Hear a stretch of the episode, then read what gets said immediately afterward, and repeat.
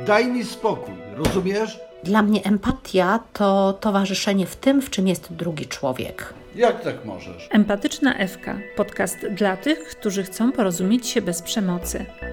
Zaprasza Ewa Tyralik.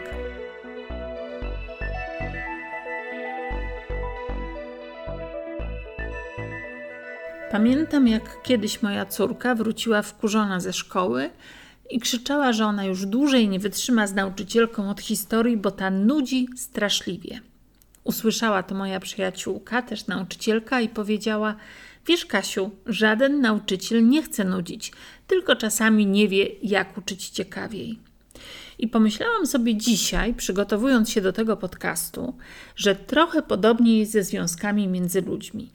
Każdy z nas w zasadzie pragnie miłości, bliskości, a mimo to nie zawsze udaje się to osiągnąć.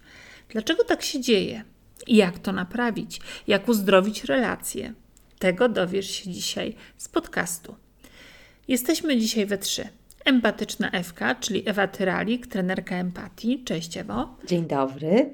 Emilia Kulpanowak, która specjalizuje się w budowaniu relacji poprzez świadomą komunikację i poprzez świadomość ciała, uczuć i potrzeb. Certyfikowana trenerka NVC Porozumienia bez przemocy, autorka podcastu Poziom Miłości oraz książki Miłość dzień po dniu. Cześć Emilia. Dzień dobry. I pierwsze pytanie do Ciebie, Ewo. Dlaczego chciałaś, żebyśmy porozmawiały dzisiaj z Emilią o jej książce? Kiedy zabierałam się za czytanie tej książki, to pomyślałam sobie, cóż tu jeszcze można powiedzieć o związkach. A to była bardzo ważna dla mnie książka. Zdania niektóre z niej mam zaznaczone na żółto albo wypisane na tablicy, i jednym z takich zdań, Emilio, było był taki fragment, w którym pisałaś o tym, y, co wybieram w związku. Czy chcę jakoś być tam w roli ofiary i chcę jakby tego, czy chcę mieć fajny związek. Niby kiedyś to już wiedziałam, ale było to napisane w taki sposób, że wisi to u mnie non-stop w sypialni, wiesz? I tak sobie pomyślałam, że jest coś w tej książce takiego bardzo ważnego, bardzo wprost, bardzo do serca, że bardzo chciałam, żebyśmy też mogły o niej porozmawiać. Mm, jak mi dobrze tego słuchać. Zdanie Ewy jest cenne, ponieważ jest trenerką empatii. I w związku z tym, kiedy znajduje coś w Twojej książce jeszcze dla siebie ważnego, no to jest to duża radość. Ja natomiast nie jestem trenerką, ja jestem dziennikarką, chyba się w ogóle nie przedstawiłam. Hanna Bogoria-Zakrzewska, jestem dziennikarką. I w tej książce znalazłam też rzeczy, z którymi sobie nie poradziłam, bo były dla mnie za trudne. Zaczęłabym od testu herbaty. Napisałaś tak. Sobotni wieczór, siedzisz na kanapie z książką, odpoczywasz po długim dniu, twój partner czy twoja partnerka kończy raport zabrany z pracy do domu. Czekasz na wspólną chwilę, pobycie razem, ona prosi cię o herbatę. Czy możesz odmówić? Pomyślałam, że tutaj nie ma żadnego problemu, tak? Robię tę herbatę, jeśli mam na to ochotę, nie robię, jeśli nie mam ochoty i tyle. A ty znajdujesz więcej rozwiązań i pod każdym coś się kryje. I jeszcze mówisz, że to jest e, papierek lakmusowy relacji. Jakbyś to wytłumaczyła? W ogóle jestem zaskoczona tym, tym, tym pytaniem. Do tej pory jakoś miałam takie przekonanie, że to jest dosyć oczywiste. A teraz myślę sobie, że może rzeczywiście nie jest. Może to jest jakiś rodzaj mojej wrażliwości, mojej osobistej wrażliwości.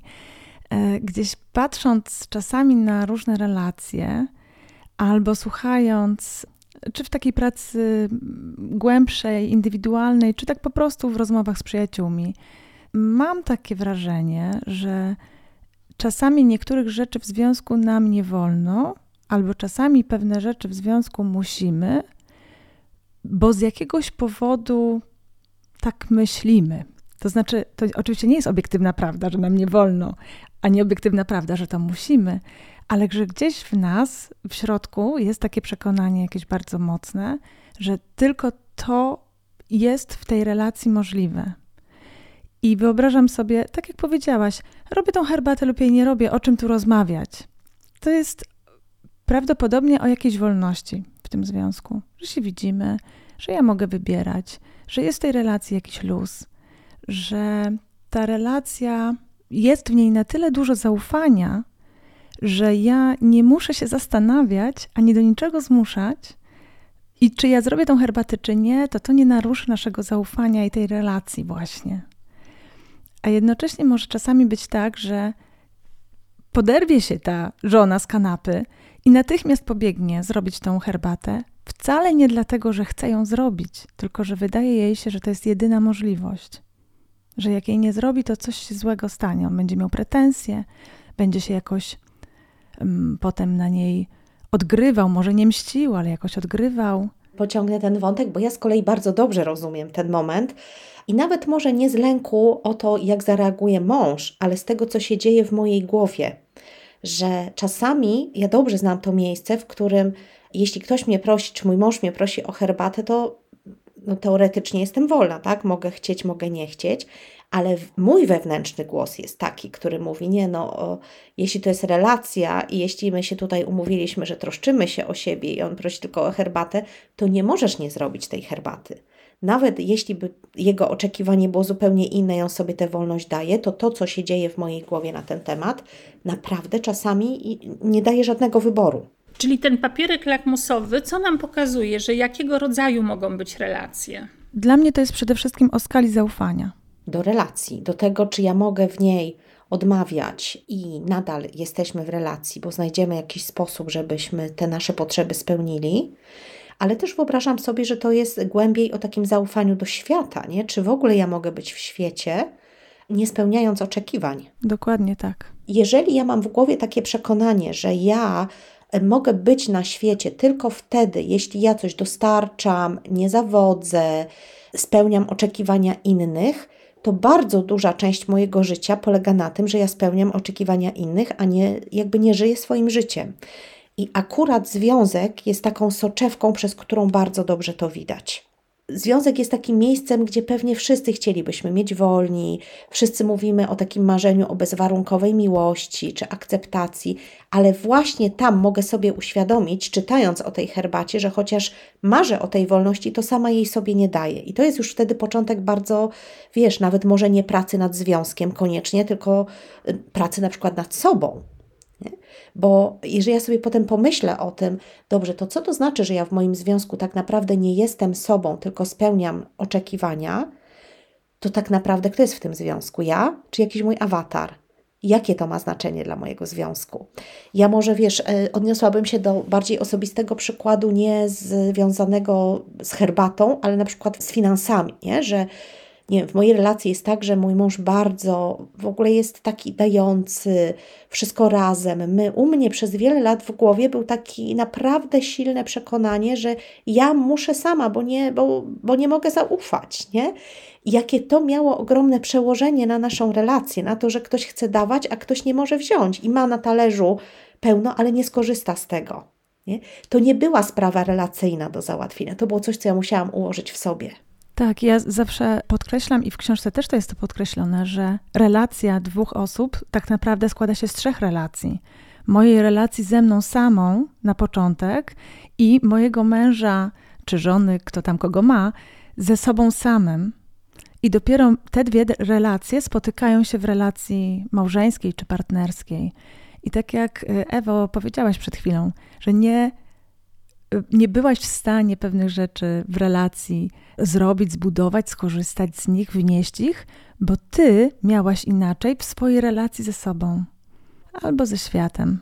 Czy ja ufam, że na tym świecie mogę być po prostu dlatego, że jestem? Czy ja mam takie myśli, że muszę być na tym świecie jakaś, coś robić? Jak ci to, Haniu, brzmi? Czy to jest duża abstrakcja, czy Pomyślałam sobie, że jeszcze bym chciała jeszcze jakiś jeden przykład podać właśnie takiego myślenia. Dlatego, że przy tej herbacie ja w ogóle nie pomyślałam, że ktoś może się zastanawiać nad tym, tylko po prostu jak gdyby no, u mnie to płynie z serca. Gdybyśmy nawet wyszły od relacji, ale nawet pozostały w tej relacji, że jestem zmęczona, nie mam już siły, ale przychodzi do mnie dziecko czy mąż i mówi, e, że potrzebuje porozmawiać, dużo mnie to kosztowało, żeby e, pozwolić sobie, że teraz nie bo ilość takich właśnie przekonań, że ja jestem dla kogoś, była tak silna, że ja z automatu raczej nadużyłabym siebie i w tej relacji wysłuchała. Tylko ja potem, wiesz, za to są też ukryte koszty, nie? Jeżeli siebie nadużyjemy, bo ja potem gdzieś za to wystawię rachunek, jak gdzieś potem mam oczekiwanie, że jak będę ja w takiej potrzebie, a ktoś zmęczony, to on też się poświęci i zaczynamy taką dosyć niefajną grę, w kto się bardziej poświęcił w tym związku i bardzo łatwo z tego miejsca pójść potem w takie, kto tu bardziej się poświęci dla kogo i według mnie miłość z poświęceniem jest bardzo często mylona. A ta herbata to jest taki, ja tak myślę, pierwszy krok w poświęcaniu się. Mhm, albo taki po prostu kawałeczek poświęcania, tak. Może nie pierwszy krok, tylko po prostu jeden z wielu różnych. Też pamiętam u siebie taką sytuację. E, w poprzednim takim długoletnim związku zawsze było tak, może nie przesadzę, jak powiem zawsze, że jak jedno z nas robiło herbatę, to robiło herbatę drugiemu. Albo pytało ewentualnie o to. A mój mąż niekoniecznie o to pyta. Ja byłam naprawdę zaskoczona, że on jest w stanie zrobić sobie herbatę i mnie nie zapytać. I mówię, ej, ale jak to? Dlaczego ty mnie nie pytasz? Co ja nie jestem? I tu się odpalały wszystkie te moje. Nie jestem ważna dla ciebie? Nie zauważasz, że ja tu jestem? Nie chcesz być ze mną w relacji? Dlaczego mnie nie pytasz o herbatę?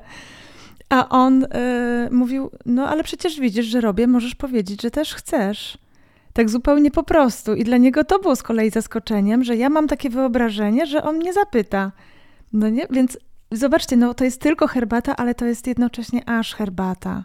Pamiętam, że też Liv Larsson, y, szwedzka trenerka porozumienia bez przemocy, dzieliła się takim spostrzeżeniem, że kiedyś ją mąż zapytał, czy może mu podać chleb, a ona odpowiedziała, że nie. I przyszła do niej taka myśl, refleksja: Boże, ja mu mogę powiedzieć, że nie, że mu nie podam tego głupiego chleba, który leży tuż koło mnie, i że ja mogę to zrobić w naszym związku, że mam tyle zaufania i wolności, i na tyle ta relacja jest trwała, że ja mu mogę powiedzieć nie. I że to było z takim zachwytem zauważone przez nią. Ale myślę sobie, że tu bardzo ważne w Twojej opowieści jest to, że Ty powiedziałaś mężowi o tym, że źle się czujesz, że on cię nie pyta, prawda? A chyba dużo osób nie mówi, tylko w tej głowie rośnie właśnie to, te wyobrażenia, o których mówiłaś. Nie kocha mnie, tak, nie jestem ważna dla niego i tak dalej. No, tylko jak powiedzieć o tym? I od takiej herbaty potem może e, pójść do sprawy rozwodowej, w której się mąż dowiaduje, że nigdy nie kochał, nie szanował i nawet herbaty nie zrobił. Tak. E, jak o tym powiedzieć, jeżeli pierwszą myślą, którą mam w głowie, jest, że przecież nie powinnam się domagać takich rzeczy, które są oczywiste.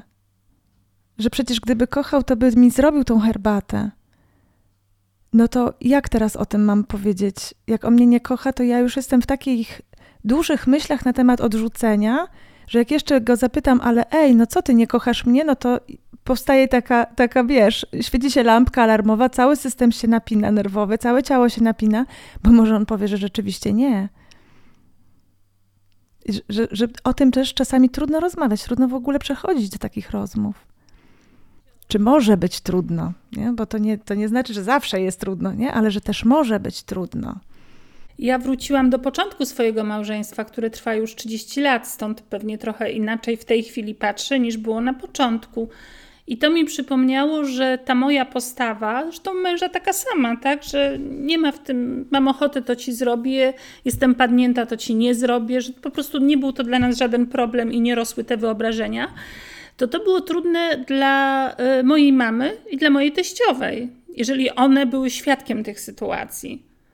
I właściwie to ja się z nimi musiałam zmagać. Czyli prawdopodobnie właśnie w związku twojej mamy, nie wiem i nie chcę tego w żaden sposób tutaj oceniać, ale prawdopodobnie było to przekonanie obecne w jej związku, że jak się podpiera nawet nosem, to i tak robi herbatę. Czyli właśnie tak widzimy, że, że jakoś ta herbata właśnie bywa tym papierkiem lakmusowym, mimo że to jest tylko herbata i może czasami nam pokazywać, że kurczę, sprzedajemy tak bardzo dużo swoich potrzeb – na rzecz tego, żeby zaopiekować tą drugą osobę. I gdzieś zapominamy może o jakiejś równości w tym związku, o tym, że jesteśmy tak samo ważni i że te moje potrzeby są nieważniejsze ani nie mniej ważne, tylko tak samo ważne jak drugiej osoby. To jest podcast empatycznej Ewki www.ewatyralik.com Mówimy tu o współzależności w związku w opozycji mamy niezależność. Ale niezależność też budzi no, takie mieszane uczucia. Czy ja mam do tego prawo? Czy to nie jest egoizm? Albo że powinna być niezależna przecież. Ile kobiet słyszy takie polecenia od swoich mam? Musisz mieć zawsze swoje pieniądze, musisz mieć zawsze plan awaryjny. Nigdy nie wiesz, jak mężczyzna e, się zachowa, co mu strzeli do głowy. I to ty zostaniesz z problemem i z dziećmi. Musisz być niezależna. Nie wiem, czy znacie, ale ja często słyszę takie wyznania.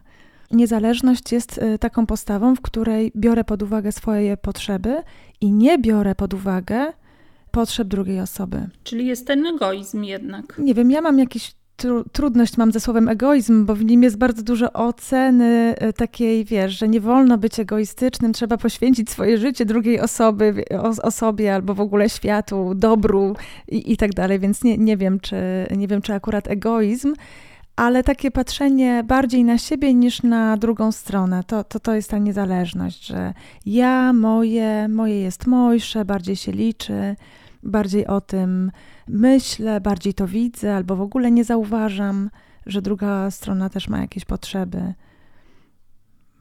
No to nie prowadzi, to nie jest relacyjne, tak? To nie prowadzi do, do bliskości. To po środku mamy współzależność, ale nie możemy tego utożsamiać ze sztuką kompromisu, czyli tymi przekonaniami nie. wpajanymi, że małżeństwo to sztuka kompromisu. O, jak ja nie lubię słowa kompromis. no nie, nie, bo kompromis to jest coś takiego, jakby się połączyły ze sobą dwie niezależności albo dwie zależności. Czyli ja stracę, ty stracisz i jakoś to przebolejemy, bo będzie przynajmniej, będziemy przynajmniej porówno stratni. No, no to ja nie chcę też takich relacji. To po co mi taka relacja, kiedy my mamy wszyscy być niezadowoleni? Dużo bliżej mi jest do takiego myślenia, które NVC wpaja. Mówimy o tym wygrany, wygrany, win-win, power with. Bardzo często używa się te, tego angielskiego określenia, ale też Kowej o tym pisał i, i, i w ogóle wszędzie, że, że to trzecie rozwiązanie, trzecie wyjście. Lubię to określenie, które, którego Kowej używał. Albo jest wygrana po obu stronach, albo nie robimy interesu. I w relacji jest tak samo, albo jest wygrana po obu stronach, albo to nie jest relacja. To znaczy jest, ale ja nie chcę takiej. Powiedzmy o tym na podstawie przykładu. To, co często ja słyszę, jest powodem też jakichś kłopotów w, w relacjach, kiedy na przykład um, mówimy o spędzaniu wolnego czasu. Kiedy to mężczyzna, mąż, partner mówi, że chce wyjść, spotkać się ze swoimi chłopakami. Jak to mogłoby wyglądać, jeżeli mówimy o właśnie tej współzależności? Jak mówię o współzależności, to y, w ogóle nie będę wtedy się zastanawiać, co zrobić z tymi chłopakami. Bo wyjście z chłopakami jest jakąś strategią, nazywamy to w NVC strategią, czyli to jest jakiś jego sposób, y, męża sposób na to, żeby zaspokoić swoje potrzeby. I wyobrażam sobie, że w takim spotkaniu towarzyskim z chłopakami jest wiele potrzeb. To może być na przykład potrzeba odpoczynku, może być potrzeba wolności, może być potrzeba decydowania o sobie, przynależności, wspólnoty. Może być dużo różnych. I pewnie każdy z nich, który się, tam, który się spotyka na tym spotkaniu, pewnie będzie miał jakąś inną potrzebę albo e, różnorodny zbiór. I teraz ja, czy ja się zgadzam na to, czy się nie zgadzam, czy mnie to jakoś hmm, boli, frustruje, czy nie, to znowu to jest e, o moich potrzebach. I pewnie też mam potrzebę odpoczynku, pewnie też mam potrzebę e, wolności, pewnie też mam potrzebę wyboru. I e, w takim myśleniu o współzależności o tym, żeby jak najwięcej potrzeb było uwzględnionych jednocześnie i że moje potrzeby są tak samo ważne jak Twoje potrzeby, to już nie będziemy się zastanawiać nad tą konkretną strategią, czy Tobie wolno wyjść na spotkanie, czy ja się na to zgadzam, tylko jak chcemy to zrobić, żeby i Twoje potrzeby, i moje mogły być teraz zaspokojone. Czyli nie potrzeba wyjścia z chłopakami, bo takiej potrzeby uniwersalnej, ogólnoludzkiej nie mamy, tylko Twoja potrzeba odpoczynku, wyboru, Twoja potrzeba, mm, te wszystkie, które wymieniłam, i te moje jednocześnie. I jak je widzimy razem i one leżą na stole, to może się okazać, że rzeczywiście ty dzisiaj wyjdziesz z chłopakami, a ja jutro pójdę z dziewczynami i to będzie najlepszym dla nas rozwiązaniem, które naprawdę lubimy. Ale może być też tak, że on widząc te wszystkie potrzeby powie, wiesz co, tym razem nie wybieram tego wyjścia, chociaż je bardzo lubię, ale widzę, że tym razem to nie służy naszej relacji. Albo ona powie, oczywiście idź na to spotkanie, tak? Ale z innego miejsca, że to nie będzie z miejsca podjęcia decyzji, co zrobić z tym konkretnym tematem, tylko podjęcia decyzji, w jaki sposób chcemy zaopiekować nasze potrzeby. No, tu mi się od razu przypomina, są te wyjścia, bo rozumieją te wzajemne potrzeby, ale one są bardzo, jakby to powiedzieć, tak wyliczane. Ty byłeś, to teraz ja pójdę. Ty byłeś dwa razy, to teraz ja dwa razy. Ja tak myślę, wiesz, Haniu, że coś, co by mogło pomóc e, w takich sytuacjach, to jest takie wyobrażenie sobie, że jak jesteśmy w relacji, jesteś ty i ja, to między nami jest też ta relacja. Nie? Tak jakbym powiedziała, nie wiem, na przykład na terapii relacji, to jest coś, czego się nauczyłam, to między nami jest, jeszcze siedzi ta, nazwę to trzecia osoba, ta relacja. I coś może być dobre dla mnie, coś może być dobre dla mojego partnera, męża, ale zawsze sobie jeszcze warto zadać pytanie, czy to jest dobre dla naszej relacji. Bo to jest naprawdę trochę co innego, nie? Ja naprawdę mogę uwielbiać z dziewczynami wychodzić, super, to jest dobre dla mnie. Ja mogę, on może uwielbiać wychodzić z chłopakami, super. A czy w tym konkretnym momencie to jest dobre dla naszej relacji? I tutaj naprawdę pojawia się zupełnie nowa perspektywa tego, nie? I to jest tak. ta współzależność właśnie. Myślę, że też kłopotem jest y, to, że nam jest trudno przejść od tej perspektywy wyjścia do perspektywy potrzeby. I my nazywamy to wyjście potrzebą, a tak naprawdę nie potrafimy zajrzeć głębiej. I że to jest ta trudność, to jest w ogóle ta, cała trudność z NVC, że nam się wydaje, że my znamy swoje potrzeby i wydaje nam się, że potrafimy je nazywać, a bardzo trudno tak naprawdę jest skontaktować się z tą potrzebą, która tam jest kluczowa, która jest naprawdę pod spodem i która naprawdę motywuje nas w danej chwili. Bo o czym to jest? Czy to jest o równowadze w relacji, czy to jest o wzajemności, czy to jest o odpoczynku, o wolności? Ja bym chciała to wiedzieć, nie? W naszej relacji. O czym to jest dla ciebie? I wtedy mi jest łatwiej albo powiedzieć, ok, jak to jest dla ciebie o wolności, mm, rozumiem, to jakoś mi to zmienia, tą perspektywę, że chcesz wyjść, a jak to jest o odpoczynku, no to może ja też mam jakąś taką propozycję, bo ja też jestem zmęczona i chcę odpocząć, żebyśmy coś może razem, nie? Nie wychodzić tym razem z kolegami, co ty na to, tylko zróbmy sobie wolne popołudnie, nic nie róbmy, oddajmy dzieci do babci i po prostu leniuchujmy. A jak jest w Twoim związku? Jak u Ciebie wypadłby test herbaty? Zapraszamy do refleksji i oczywiście do posłuchania następnego odcinka, w którym będę rozmawiać z Ewą Tyralik oraz Emilią Kulpą-Nowak, autorką książki Miłość dzień po dniu. Zapraszam serdecznie. Podcast przygotowała torba reportera i podcastera.